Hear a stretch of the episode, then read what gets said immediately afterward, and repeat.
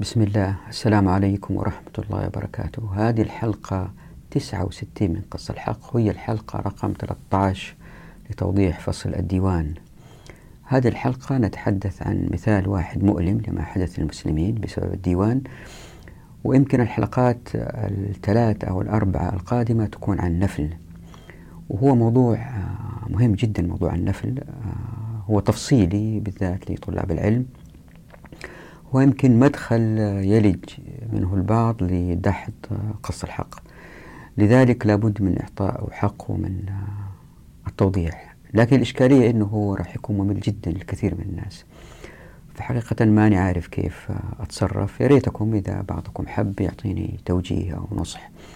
ماذا أعمل؟ هل أختصر موضوع النفل إذا نظروا إلى كتاب قص الحق في حلقة واحدة؟ هو يحتاج أربع حلقات أو ثلاث حلقات. طويلة. أو إني أعطيه حقها من العرض. وبالتالي يمل المشاهدين فحقيقة ما نعرف كيف كيف أتصرف. يا ريت إذا عندكم توجيه تعطوني. تراسلوني إذا حبيتوا على فيسبوك أو تويتر. في هذه الحلقة رايحين نقرأ نصين طويلين. ما نقرأهم أنا أعلق عليهم وأحطهم على الشاشة. اللي حاب يوقف الشاشة يقرأهم. النص الأولاني من تاريخ بغداد ويبين الترف اللي كان في الدولة العباسية عام 305 وبعدها بأجيال نقرأ النص الثاني ننظر النص الثاني عن البداية والنهاية. ما الذي حدث للمسلمين في بغداد على يد التتار؟ هو مثال مؤلم ومعظمكم عارفينه وأكثركم يعني درس هذه المسألة أو سمع عنها. لكن أنا ضعها هنا برغم أنها معروفة لأني أزعم أنه هذا بسبب الديوان. زي ما هو واضح هنا في الشاشة هذا النص من كتاب تاريخ بغداد. هو نص طويل وضعته في مقاطع ومرقم كل مقطع. اللي صار إنه لأنه كان في ديوان وبالتدريج التفكير كان إنه الدولة تحتاج نفقات. فبدأت أموال الغنائم والفيء والصدقات وهذه المصادر تتجه الأموال فيها إلى أيدي السلاطين. وهذا جيل بعد جيل أدى إلى الترف غير المعقول اللي كان في الخلفاء. وهذا النص يصف الحال أيام الخليفة العباسي المقتدر بالله واللي كان سنة 305 تلحظ من النص أنه أشياء كثيرة كانت مطرزة بالذهب حتى الأشجار والوسائد والمقاعد. والواحد يحتار ويسأل ليش الواحد يجلس على مقعد مطرز بالذهب؟ يعني حتى تقر راحته ولا ليه يعني؟ ولماذا الأشجار ترصع بالذهب يعني حتى تفقد جمالها الطبيعي؟ وإذا قرأت النص الآتي بتأمل كل جملة وتتحاول تتخيل المكان تلاحظ الإسراف والتبذير وعدد الخدم والغلمان والحجاب إلا بعشرات الآلاف في كل ناحية. وطبعا كل واحد من الحجاب هدول ومن الخدم له نفقات وله ترفه الخاص فيه إذا كان من ذوي المناصب العالية. فالواحد مباشرة يدرك أنها بيئة خصبة للمجون واللهو. فاللي صار أنه كان في وفد جاي يزور بغداد من الروم وحتى يبهروا هذا الوفد النص هذا يصف كيف جهزوا بغداد لاستقبالهم. فبيقول طفت دار الخلافة عامرها وخرابها وحريمها وما يجاورها وتأخمها فكان ذلك مثل مدينة شيراز. يعني دار الخلافة حجمها في حجم مدينة شيراز وهذه مدينة في إيران. ولقد ورد رسول لصاحب الروم في أيام المقتدر بالله ففرشت الدار بالفروش الجميلة وزينت بالآلات الجليلة ورتب الحجاب وخلفاؤهم والحواشي على طبقاتهم على أبوابها ودهاليسها ومراتها ومخترقاتها وصحونها ومجالسها ووقف الجند صفين بالثياب الحسنة وتحتهم الدواب بمراكب الذهب والفضة وبين أيديهم الجنائب من مثل هذه الصورة. وقد أظهروا العدد المكسية والأسلحة المختلفة فكانوا من أعلى باب الشماسية وإلى قريب من دار الخلافة. وبعدهم الغلمان الحجرية والخدم والخواص الدارية والبرانية إلى حضرة الخليفة بالبز الرابع والسيوف والمناطق المحلاة ويستمر النص لين يصف الوفد عندما أتى ويقول وسار الرسول ومن معه من الواكب إلى أن وصلوا إلى الدار ودخل الرسول فمر به على دار نصر القشوري الحاجب ورأى ضففا كثيرة ومنظرا عظيما فظن أنه الخليفة. يعني هذا رئيس الوفد عندما رأى الحاجب من العظمة ظن أنه الخليفة. تصوروا هذا واحد جاي من بلاد الروم وتخيلوا هذا الموقف وقارنوا هذا الموقف بحال المسلمين عندما هزموا الفرس. كان العكس بالضبط وتداخلته له هيبة وروعة حتى قيل له إنه الحاجب. وحملت بعد ذلك إلى الدار التي كانت برسم الوزير وفيها مجلس أبي الحسن علي بن محمد الفرات يومئذ. فرأى أكثر مما رآه لنصر الحاجب ولم يشك في أنه الخليفة حتى قيل له هذا الوزير.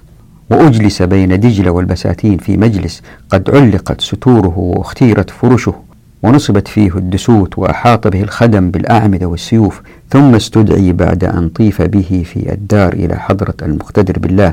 وقد جلس وأولاده من جانبيه فشاهد من الأمر ما هاله ثم انصرف إلى دار قد أعدت له. وفي مكان آخر يصف العسكر وبيقول ثم صف العسكر في دار صاعد إلى دار الخلافة وكان عدد الجيش 160 ألف فارس وراجل. وفي موضع آخر يقول وكان عدد الخدم إذ ذاك سبعة آلاف خادم منهم أربعة آلاف بيض وثلاثة آلاف سود وعدد الحجاب سبعمائة حاجب. وعدد الغلمان السودان غير الخدم أربعة آلاف غلام. قد جعلوا على سطوح الدار والعلالي وفتحت الخزائن والآلات فيها مرتبة. طبعا لن أقرأ كل النص لكن أقفز. فيصف أحد الأشجار ويقول وكانت شجرة من الفضة وزنها خمسمائة ألف درهم. عليها أطيار مصنوعة من الفضة تصفر بحركات.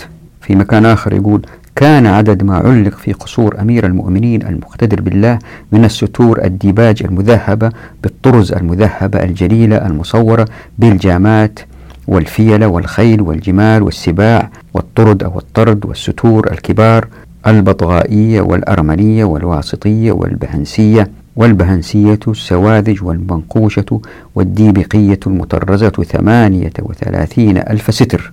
منها الستور الديباج المذهبة المقدم وصفها اثنا عشر ألفا وخمسمائة ستر. وعدد البسط والنخاخ الجهرمية والدار بجردية والدورقية في الممرات والصحون التي وطئ عليها القواد ورسول صاحب الروم من حد باب العامة الجديد إلى حضرة المقتدر بالله سوى ما في المقاصير والمجالس من الأنماط الطبري والديبقي التي لحقها للنظر دون الدوس 22 ألف قطعة. يا ريتكم توقفوا الشاشة وتقرأوا. وفي مكان آخر يقول ثم أخرجوا إلى دار فيها أربعة فيلة مزينة بالديباج. يعني يحتاج الفيلة على إيش يعني؟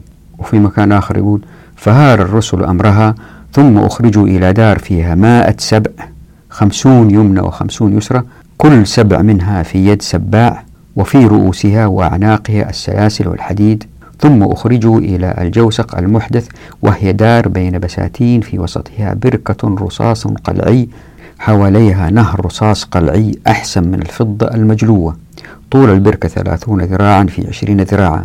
فيها أربعة طيارات لطاف بمجالس مذهبة مزينة بالديبقي المطرز وأغشيتها ديبقي مذهب. حتى النخل لبسوه حلق شبه مذهب. ويقول في مكان آخر ثم أخرجوا من هذه الدار إلى دار الشجرة وفيها شجرة في وسط بركة كبيرة مدورة فيها ماء صاف وأكثر قضبان الشجرة فضة وبعضها مذهب.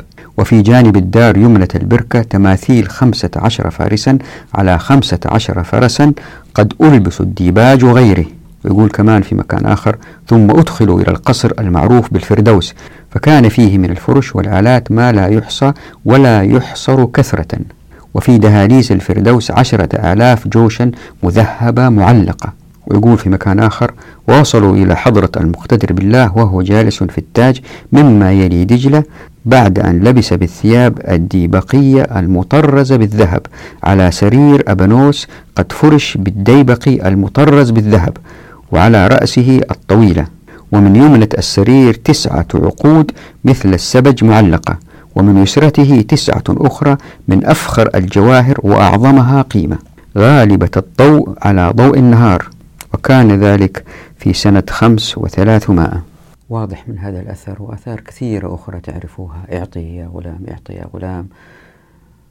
آه هذه الآثار كلها تشير إلى أنه الأموال اللي المفروض تكون في أيدي الناس استثمروها سحبت ووضعت في هذه المذهبات والمفضلات وهذه الأبهة والترف وهذا نفس الوضع المشابه الآن بس يمكن الآن ما في أشياء مذهبة ولا فيلة وسود آه، ملبسة بالذهب والأشجار ملبسة بالذهب لكن الآن في قصور وفي آه، دواوين وفي وزارات وفي مكاتب رؤساء ومكاتب وكلاء وزارات وما إلى ذلك أنتم عارفين. هذه الأموال كلها مجمدة كان يمكن تكون في أيدي الأفراد حتى يستثمروها وتزداد الأمة عزة بقوة الاقتصاد. ناهيكم عن أنه هؤلاء الأفراد اللي هم عشرات الحجاب والوزراء وتحت كل واحد منهم خدم وحشم وما إلى ذلك بيئة خصبة لظهور المشاكل. ليه؟ لأنه بيتسابق الأفراد للوصول إلى قرار سلطاني في منفعة مالية وما إلى ذلك. وبيتنافسوا بين بعض وبيحيكوا البعض المشاكل والمؤامرات بيئة خصبة لظهور, لظهور الاستبداد بيئة خصبة لظهور آه، كسب المال من غير عمل بالتزلف بالنفاق. شوي شوي المجتمع كله يصير منافق بهذا الشكل إذا يفكر بهذا الشكل. هذه مشكلة تجمع الأموال في مكان واحد وبكميات كبيرة وهذا حدث بسبب أنه الديوان من العصر الأموي وإحنا ماشيين أدى إلى ظهور أفراد يعيشوا على أموال الغير. تراكمت الأموال عند هؤلاء وبالتدريج تراكم الترف وجيل بعد جيل ألين وصلنا إلى وضع في جيل ما يعرف أبدا شيء في الحكم كما هو حادث الآن. جيل لا يفقه في الحكم لأنه لم يتمرس على الإمامة في المساجد ولم يتمرس على القتال وما ما هو فاهم إيش هي الحياة. إلى أن وصلنا إلى حال كما يصف ابن كثير وضع جدا مؤلم. فبيقول ثم دخلت سنة 56 و600 ويصف وضع حال التتار ماذا فعلوا وماذا قتلوا وماذا دمروا في بغداد وسبوا واغتصبوا وما إلى ذلك. طبعا لن نقرأ كل النص لكن نقفز. وبيقول مثلا وأحاطت التتار بدار الخلافة يرشقونها بالنبال من كل جانب. حتى أصيبت جارية كانت تلعب بين يدي الخليفة وتضحكه فالخليفة أغلق جميع نوافذ قصره حتى لا تصل إليه السهام ونسي المدينة تركها. وبينما هو يلهو والجارية ترقص أمامه إذا بالجارية تصاب فتقتل بسهم الأعداء. لكن لم يهب السلطان لفعل شيء برغم هلعه بل أمر بالمزيد من التحصين لنوافذ القصر. طبعا بالتأكيد لن يهب لفعل شيء لأنه هو ما هو مؤهل لذلك. فهو ثمرة ترعرع أجيال من تراكم الترف الذي كان بسبب تجمع أموال الفيء وسواد العراق وما شابه من الأراضي التي لم تقسم. فهذه الأموال التي جمعت للسلطان هي اللي مكنت السلطان من توظيف المنافقين. اللي بدأوا بفرض المزيد من المكوس على الناس المزيد من الإنفاق المترف. وهكذا للمزيد من المال والمزيد من الترف والمزيد من الحاجة للمال لتغطية نفقات المزيد من الموظفين للمزيد من الترف وللمزيد من حب الدنيا وللمزيد من الحاجة للمنافقين الذين سيجمعون المزيد من المكوس. وهكذا من المزيد من الدورات التي لن تنتهي إلا بالمزيد من النقصان في إنتاجية الأمة. حتى جاء اليوم الذي كان يجب أن تستفيق فيه الأمة على الانحراف عن شرع الله. وطبعا من الآثار ما يشير زي ما وضح ابن كثير هنا أنه الوزير مؤيد الدين محمد من العلقمي كان هو سبب مهم في تمكين التتار من المسلمين. فابن العلقمي أقنع الخليفة بتخفيض النفقات الحربية طبعا عشان يستادوا ترف فتم إسقاط أسهم الجند من الديوان. كان عدد الجند في آخر أيام المستنصر قريبا من المائة ألف. نزل إلى عشرة آلاف جندي هزيل عندما وصل التتار. فبيقول مثلا فأحاطوا ببغداد من ناحية الغربية والشرقية وجيوش بغداد في غاية القلة ونهاية الذلة. لا يبلغون عشرة آلاف فارس وهم بقية الجيش. كلهم قد صرفوا عن إقطاعاتهم. هم كانت لهم إقطاع وأموال يأخذوها فذهبت للخليفة وتم تسريحهم. فبيقول حتى استعطى كثير منهم في الأسواق وأبواب المساجد يعني صاروا شحاتين. وأنشد فيهم الشعراء قصائد يرثون لهم ويحزنون على الإسلام وأهله. وذلك كله من آراء الوزير ابن العلقمي الرافضي. طبعا هذه البيئة مكنت آه، شخص مثل ابن العلقمي ليفعل ما يفعل. لكن إن طبقنا الشريعة والعمل العسكري عبادة والناس بيقاتلوا في سبيل الله ما يمكن أي واحد يفعل مثل هذا الفعل. زائد الناس اللي هم في بغداد كانوا ما يعرفوا يحملوا السلاح ما كانوا يعرفوا يقاتلوا لأنهم خرجوا عن أمر الرسول صلى الله عليه وسلم إلا أمرنا كمسلمين بحمل السلاح والتدرب عليه. تذكروا الفيديوهات الأولى. وصل الضعف بالمسلمين إلى أنه أشار على الخليفة بالخروج إلى حاكم التتار والمثول بين يديه لتقع المصالحة على أن يكون نصف خراج العراق لهم ونصفه للخليفة. وشوفوا الوصف كيف الخليفة خرج له ومعاه 700 راكب من القضاة والفقهاء والصوفية ورؤوس الأمراء والدولة والأعيان وقتلهم كلهم.